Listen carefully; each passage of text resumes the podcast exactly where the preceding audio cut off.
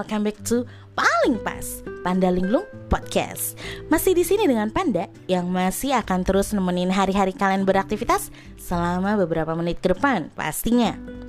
Gimana nih kabar kalian semua sobat Panda? Ya ampun udah lama banget ya Panda tuh nggak menyapa kalian. Kayaknya hampir satu bulan lebih malah ya kayaknya udah nggak record untuk keluarin episode baru dikarenakan dengan satu dan lain hal yang mengharuskan Panda sampai keluar pulau. Ada urusan penting pastinya dan kayaknya kurang pas untuk record di sana. Makanya baru sempet hari ini untuk record episode 10 Yeay nggak berasa paling pas akhirnya tembus episode 10 Dan pastinya episode kali ini akan sangat-sangat-sangat spesial untuk merayakan 10 episodenya paling pas. Jadi sobat panda tetap stay tune di sini karena kita akan ngebahas tentang it's a lifetime commitment. Apa sih komitmen apa yang seumur hidup itu? Yang pasti tentang makhluk yang punya kehidupan, yang punya hidup dan dia tuh bernyawa. Mereka sama dengan kita punya hak untuk hidup. Oke lah, tanpa babi bu lagi, langsung aja kita mulai cuap-cuapnya. Yuk!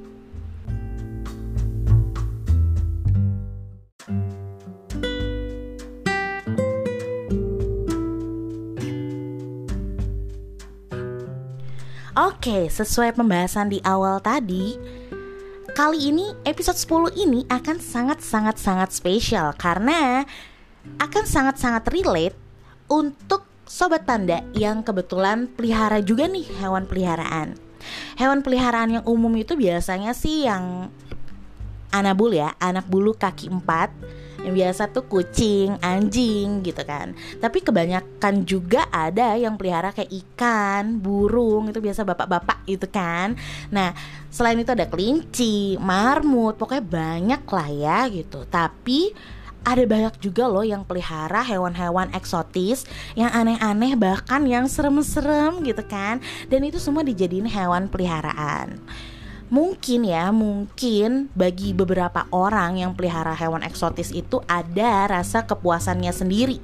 Karena dia bisa sampai pelihara hewan yang lain daripada yang lain. Tapi ingat ya ada hukumnya loh. Dan hukum untuk melihara hewan-hewan yang seperti itu yang tidak umum itu lumayan. Akan dikenakan ada hukuman penjaranya dan dendanya gitu tuh. Jadi bagi kalian yang punya nih hewan-hewan yang langka, terus yang harusnya tuh nggak dijadiin hewan peliharaan, tapi kalian pelihara itu kayaknya hati-hati. Coba deh searching-searching dulu gitu kan. Searching apakah itu boleh atau enggak untuk dipelihara.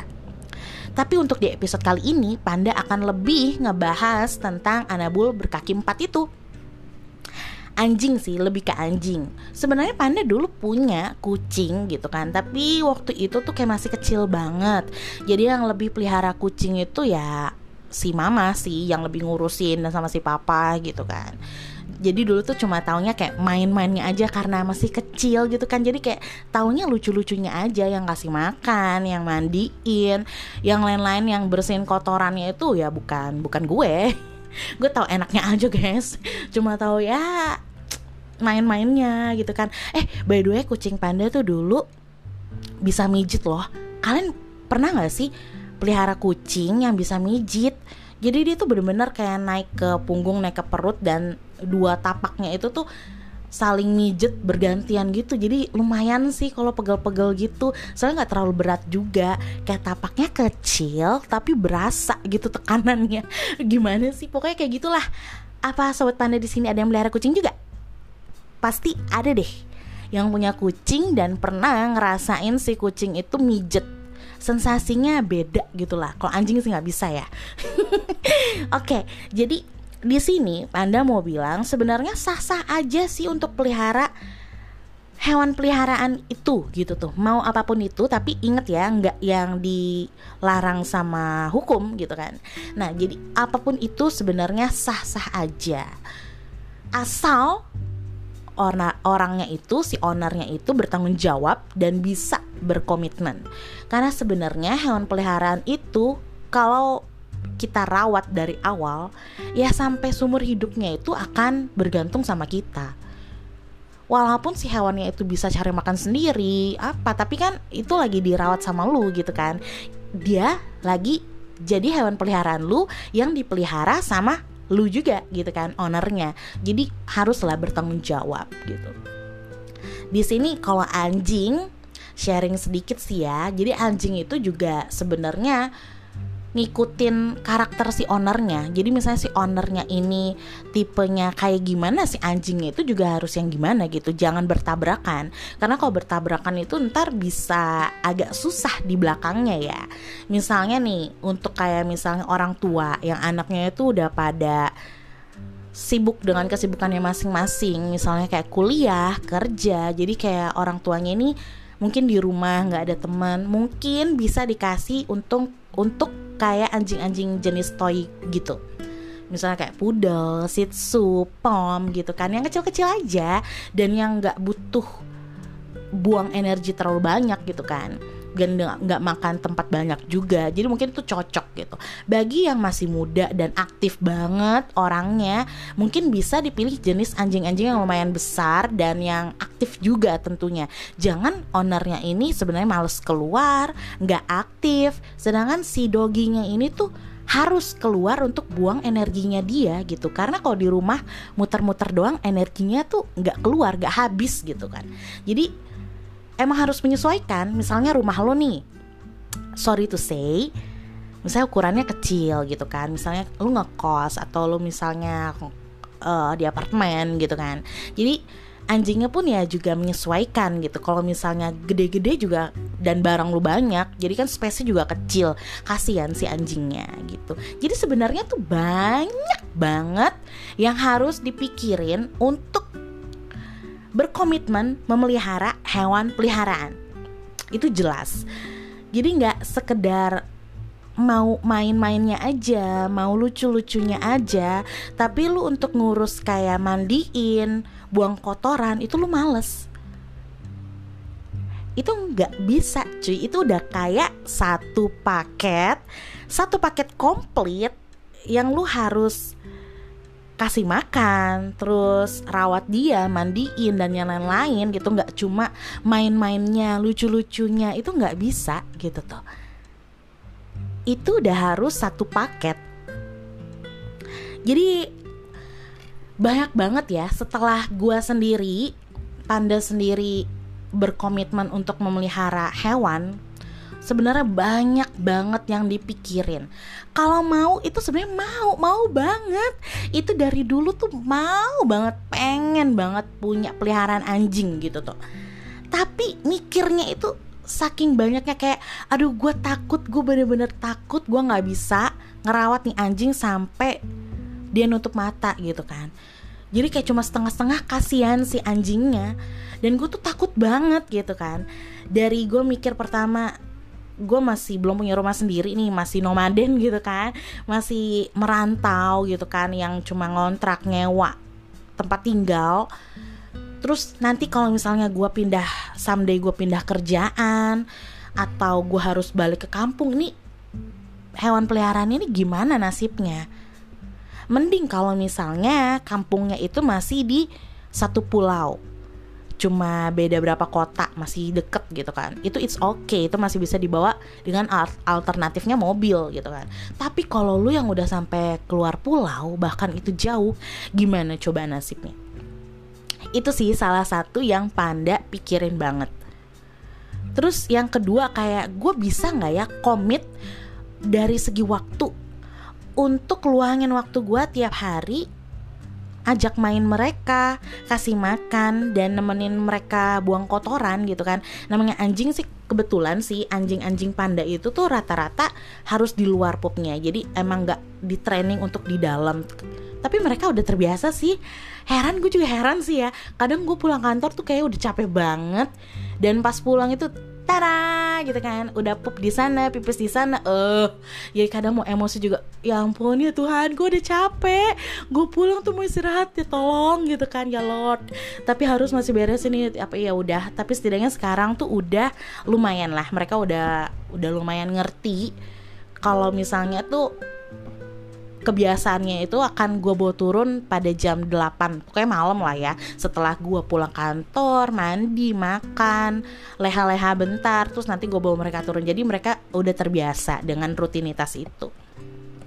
Oke jadi dari segi waktu ya yang tadi bisa nggak gue untuk komit kayak gitu gitu tuh untuk ngerawat mereka dari segi waktu gue harus luangin waktu gue untuk ajak main mereka. Jadi nggak sekedar gue melihara aja tapi lu harus yang kayak tadi gue bilang itu tuh udah kayak satu paket gengs.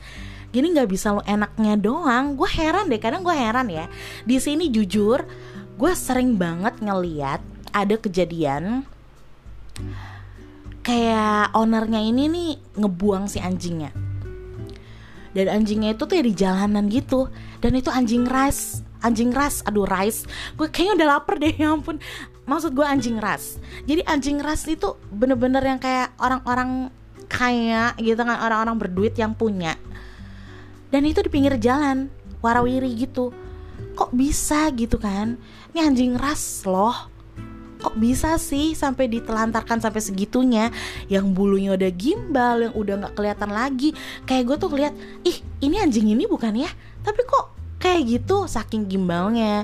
Jadi udah saking nggak kelihatan lagi tuh bentukannya. Ini ras apa tuh udah sampai kayak nggak percaya aja gitu bisa sampai segitunya. Jujur ya gue semenjak gue udah berani ambil komitmen dan tanggung jawab sama hewan-hewan peliharaan gue itu ngebuka mata gue banget gengs. Jadi bener-bener pandangan gue tuh berubah tentang hewan peliharaan itu terutama anabul ya yang kaki empat ini. Anjing. Itu kayak aduh miris sih sebenarnya. Yang dulunya kayak gue cuma taunya ih gue liat pudel lucu ih gue liat pom lucu gitu. Gue pengen banget uak-uak mereka gitu kan. Ngajak main kayaknya pengen deh pelihara gitu. Tapi semenjak gue punya nih dan akhirnya kan ngumpul tuh sama komunitas anjing gitu kan. Terus di IG juga follow-follow shelter gitu. Jadi kayak ngebuka banget. Gila ternyata gengs. Di luar sana itu masih banyak banget anjing-anjing tuh yang nggak beruntung. Yang bener-bener nasibnya itu nggak seberuntung hewan peliharaan kita dan itu bikin kadang tuh netesin air mata sih dan bikin sedih banget. Kayak nasibnya wow banget. Wow banget. Kadang tuh kita salah kaprah ya. Kita nganggap shelter itu jadi kayak tempat pembuangan anjing. Padahal shelter itu untuk nampung anjing-anjing yang kurang beruntung.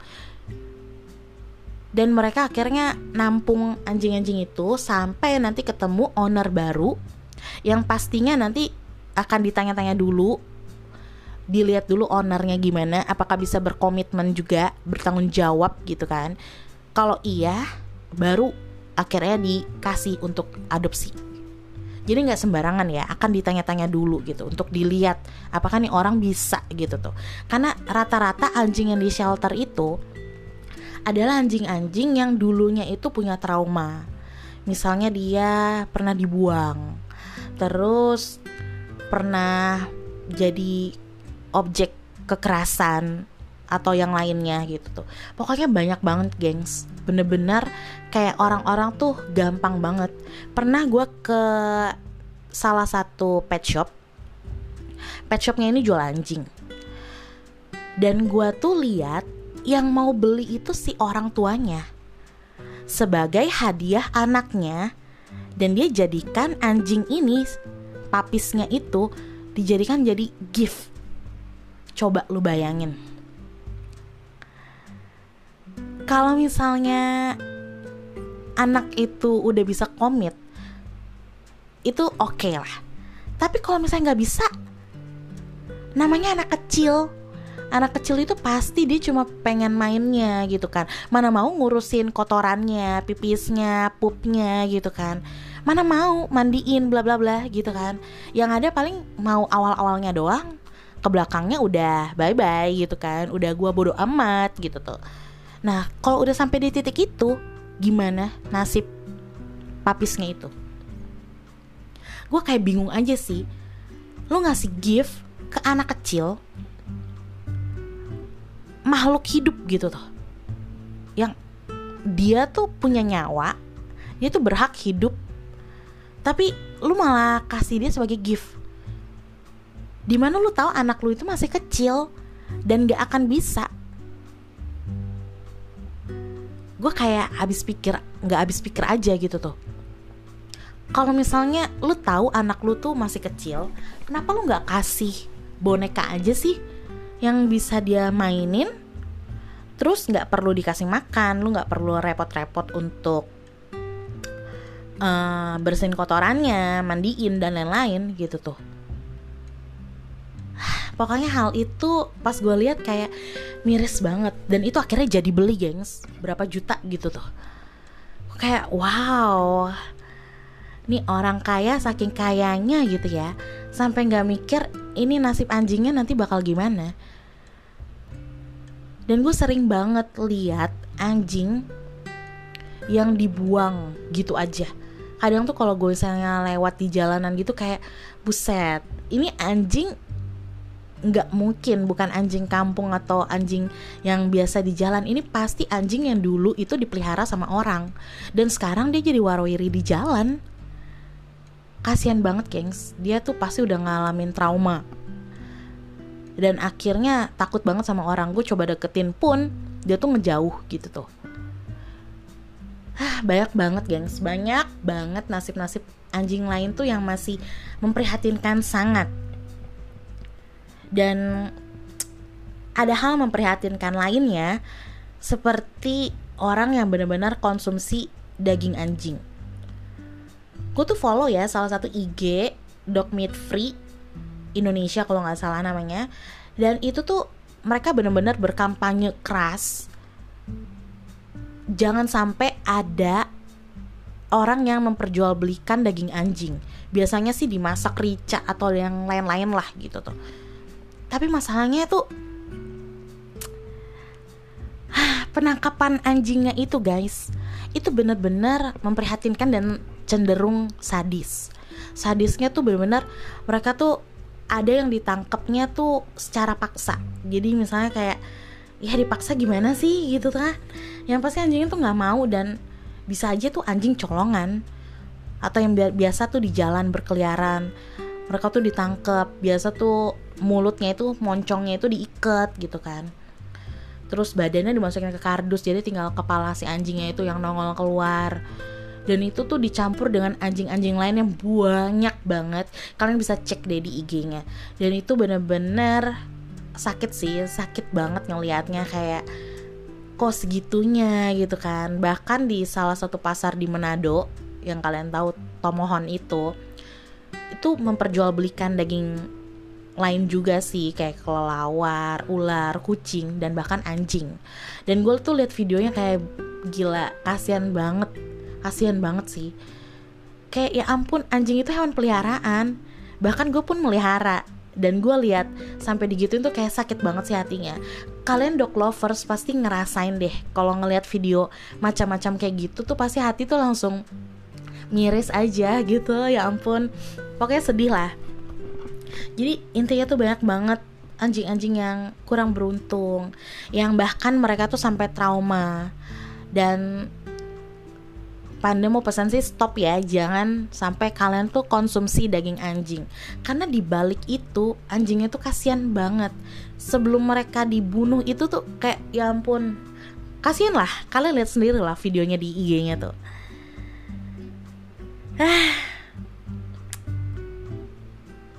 Sampai sedih.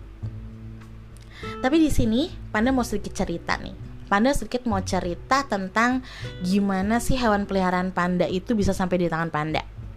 Kebetulan panda itu hewan peliharaan anjingnya itu ada tiga, tapi satu ada di rumah di kampung gitu tuh. Itu juga nggak beli, itu adopt juga. Jadi modelnya tuh model jenisnya itu Shih Tzu namanya Zero dan dia itu ceritanya si ownernya yang dulu itu anak kuliah dan ngekos. Sampai suatu saat dia mau pulang kampung dan anjingnya ini nggak bisa dibawa. Nah ini kejadian kan kayak yang tadi kita bahas itu. Jadi anjing itu nggak bisa dibawa dan dia tuh bingung banget. Sebenarnya dia tuh sayang banget. Cuma ya apa boleh buat? Mungkin di luar pulau ya gitu. Jadi dia nggak bisa bawa. Dan akhirnya dioper deh ke si owner ini. Ke si mamah ya gitu kan. Dan akhirnya dulu itu sempat trauma jadi si Zero ini tuh emang galak banget. Bener-bener susah dideketin. Jadi kayaknya dekat banget sama owner sebelumnya. Dan untungnya sih tahun demi tahun ini anjing bisa sih dilatih gitu kan. Bahkan tuh udah good attitude banget. Bisa diajarin basic comment gitulah bisa gitu. Nah sampai di situ itu nggak menyedihkan gimana ya? Tapi dua anjing panda lainnya ini yang sisanya ini itu lumayan miris ini singkat cerita ya. Jadi panda tuh punya satu Siberian Husky. Satunya lagi pertama tuh kita nggak tahu nih jenis apa sampai panda tuh download aplikasi dog scanner gitu. Akhirnya ketahuan lah dia ternyata jenis Netherlands Quaker yang jarang lah di Indo tapi panda sering lihat jenis ini di shelter-shelter. Nah kita mulai dulu dari yang Quaker dulu deh. Yang coklat ini namanya Rico. Dia cowok. Nah si Rico ini keadaannya itu pas gue rescue itu mengenaskan banget. Jadi dari ownernya itu katanya si Riko ini dari kecil sampai dia segede ini itu di kandang itu terus lu bayangin. Mungkin kandangnya itu pas kecil luas lah ya dia bebas gerak gitu tapi lama kelamaan gede itu kandang tuh udah sampai dia tuh ngepas banget di dalam. Dan kebayang gak sih pas gue rescue itu nih anjing galak banget men. Sumpah galak banget. Sampai gue berpikir kayak apa gue nggak rescue aja ya nih anjing? Soalnya kayak gue nggak bisa deh gitu kan. Kayaknya susah banget gitu kan. Tapi gue mikir lagi tapi ini gue tanggung banget. Gue udah sampai di TKP dan gue cuma ngangkut satu anjing tuh kayaknya gimana gitu. Kebetulan dua-dua anjing ini tuh di satu owner ini gitu tuh. Dan si Riko ini gue takut banget untuk megang gitu. Sedangkan waktu itu gue belum tahu banget gue belum paham banget anjing. Jadi gue bener-bener gak bisa jinakinnya gitu. Dan alat-alatnya tuh seadanya banget. Ah tapi ini berita baik. Akhirnya gue memberanikan diri Padahal dia tuh udah udah udah mau gigit banget dari dalam kandang itu udah bener-bener kayak ngebrontak. Tapi akhirnya bisa, gengs. Bisa, ya ampun, thanks Lord gitu kan. Akhirnya bisa dan kondisinya tuh miris bulunya kebetulan sih nggak panjang-panjang banget tapi lumayan panjang gitu kan dan itu udah gimbal udah gimbal jadi nggak pernah dimandiin juga terus kukunya juga udah panjang banget sampai belok gitu dan itu nggak pernah dipotong juga. Dia bener-bener dari kecil sampai segini gedenya itu di dalam kandang terus. Lo bayangin bertahun-tahun itu di dalam kandang terus. Gak pernah sosialisasi, gak pernah diajak main Ya gimana gak stres ini anjing gitu kan. Bener-bener kasihan. Nah udah nih satu diangkut ya kan? Nah terus si Husky ini. Husky ini kurang lebih sama sih umurnya kayak ini kayak pas gue angkut itu mungkin tiga setengah tahun lah ya nah yang tadi itu si Rico itu mungkin tiga tahun bedanya dikit Nah si Siberian Husky ini cewek betina dia gue namain Bella. Sebenarnya Bella sama Rico ini gue tuh pengen ganti nama gengs ini lucu banget. Gue tuh pengen ganti nama. Menurut gue kayak oke okay, gue kasih lu new life gitu kan. Kita buka lembaran baru lagi. Jadi kita pengen ganti nama biar kayak dia tuh refresh gitu gengs. Jadi kayak buang sial lah gitu kita ganti nama. Tapi dia nggak mau. Jadi gue udah sempet namain dia kayak Buffy dan lain-lain. Dia tuh nggak mau dipanggil nggak mau. Mungkin udah asing banget kali ya. Ya udahlah gitu kita jadi pakai nama lamanya aja gitu yang si ownernya kasih. Nah si husky ini tiga setengah tahun kondisinya miris banget. Mungkin bagi sobat panda yang punya peliharaan husky juga itu paham betul husky itu kayak gimana husky itu drama queen gengs. Dan dia itu tipenya aktif banget. Ya lu tau lah ya yang narik kereta di salju-salju itu gitu kan. Nah dia tuh cuma diikat di rantai di satu tempat. Tok. Dari awal dia diangkut nih sama si owner itu itu dia diikat situ aja. Gak pernah diajak main gak pernah dibawa keluar. Karena husky kan lumayan narik-narik lah ya dia tuh agak susah sih di dikaleminnya tuh dijenakinnya tuh susah banget karena pasti bakal narik-narik. Dan itu narik-narik banget gitu tuh. Nah pas gue dateng gue samperin nih dia tuh kayak overactive banget bener-bener kayak udah lama lah nggak diajak main. Jadi bener-bener kayak naik-naik gitu. Dan lu tahu nggak mirisnya lagi dia diikat di satu tempat itu di pintu besi dengan kondisi yang sangat mengenaskan bulunya itu gimbal. Lu tau lah ya husky itu kalau misalnya kalian tahu husky itu tuh akan shading bulu setahun dua kali lah gitu kan untuk ganti bulu. Jadi dia ngerontokin bulunya terus nanti tumbuh yang baru. Dan itu kadang kita harus bantu dengan sisir biar cepet aja dia rontoknya dia lepas-lepasnya terus ganti yang baru lagi. Dan itu tuh nggak dirawat, nggak disisir. Jadi ya bulunya lepas-lepas di situ juga. Dia pup sama pipis juga di situ si Bella juga makannya dari situ jadi disediain satu mangkok untuk makanannya satu gelas kayak ember gitu bekas galon kecil itu isi air tapi airnya tuh udah lumutan parah. Itu benar-benar airnya itu udah bukan warna bening lagi itu udah hijau keiteman. Lu bayangin aja. Dan yang lain-lainnya itu tempat makannya itu udah bulunya dia semua gitu karena dia shadingnya kan di situ. Makannya nggak pernah yang lain-lain cuma dog food tok bayangin aja lu kalau manusia lu dikasih satu jenis makanan. Misalnya lu suka sama nasi goreng. Lu bertahun-tahun makannya nasi goreng mulu. Bosan nggak? Dan ini tuh dia dikasih makan itu terus gitu. Nggak pernah yang lain-lain. Airnya pun lumutan. Terus kukunya juga panjang sama kayak Riko tadi. Udah sampai nekuk ke bawah udah sampai ke pausnya itu. Bulunya gimbal parah. Bahkan gue pegang-pegang tuh udah kayak ini antara bulu atau dia tumbuh tumor atau yang lain-lain ya. Soalnya udah keras banget ternyata itu gimbal sih syukurnya. Bukan tumor atau yang lain-lain penyakit kulit lain. Dan parah banget dia tuh emang tipenya aktif banget tapi nggak pernah diajak main nggak pernah dibawa jalan. Cuma diikat itu. Di, diikatnya di situ terus dan dia tuh nggak bisa apa-ngapain. Sumpah dua anjing ini tuh kasihan banget sih. Benar-benar gue kasihan banget dan akhirnya gue beraniin untuk di rescue gue bawa ke Jakarta dan sampai situ langsung gue botakin dua-duanya untuk ngeliat untuk buang gimbalnya untuk ngeliat ada penyakit kulit lainnya atau enggak ada kutu atau jamur gitu kan. Nah ternyata sih ada tapi untungnya sedikit. Satu yang gue syukurin mereka tuh nggak trauma yang gimana. Cuma untuk yang Riko itu lumayan traumanya karena dia nggak pernah dikeluarin di kandang dan gak ada interaksi sama manusia sama anjing lain. Jadi bener-bener dia tuh sama apa pun dia nggak percaya. Dan jadi beringas ke semua hal. Bahkan benda mati pun dia gonggongin. Jadi kayak agak susah banget. Semuanya tuh udah pernah digigit sama dia. Yang tinggal di rumah gue ini semua udah pernah digigit. Bahkan gue tuh hampir digigit. Tapi untungnya nggak berdarah cuma ngebekas gitu doang ke baret. Dan jinakin dia tuh lama banget gengs. Kayak enam bulanan lebih dia tuh akhirnya baru kayak udah percaya banget sama kita. Jadi bener-bener gengs nggak main-main banget ya. Sekali lagi gue tekenin untuk punya hewan peliharaan itu nggak main-main.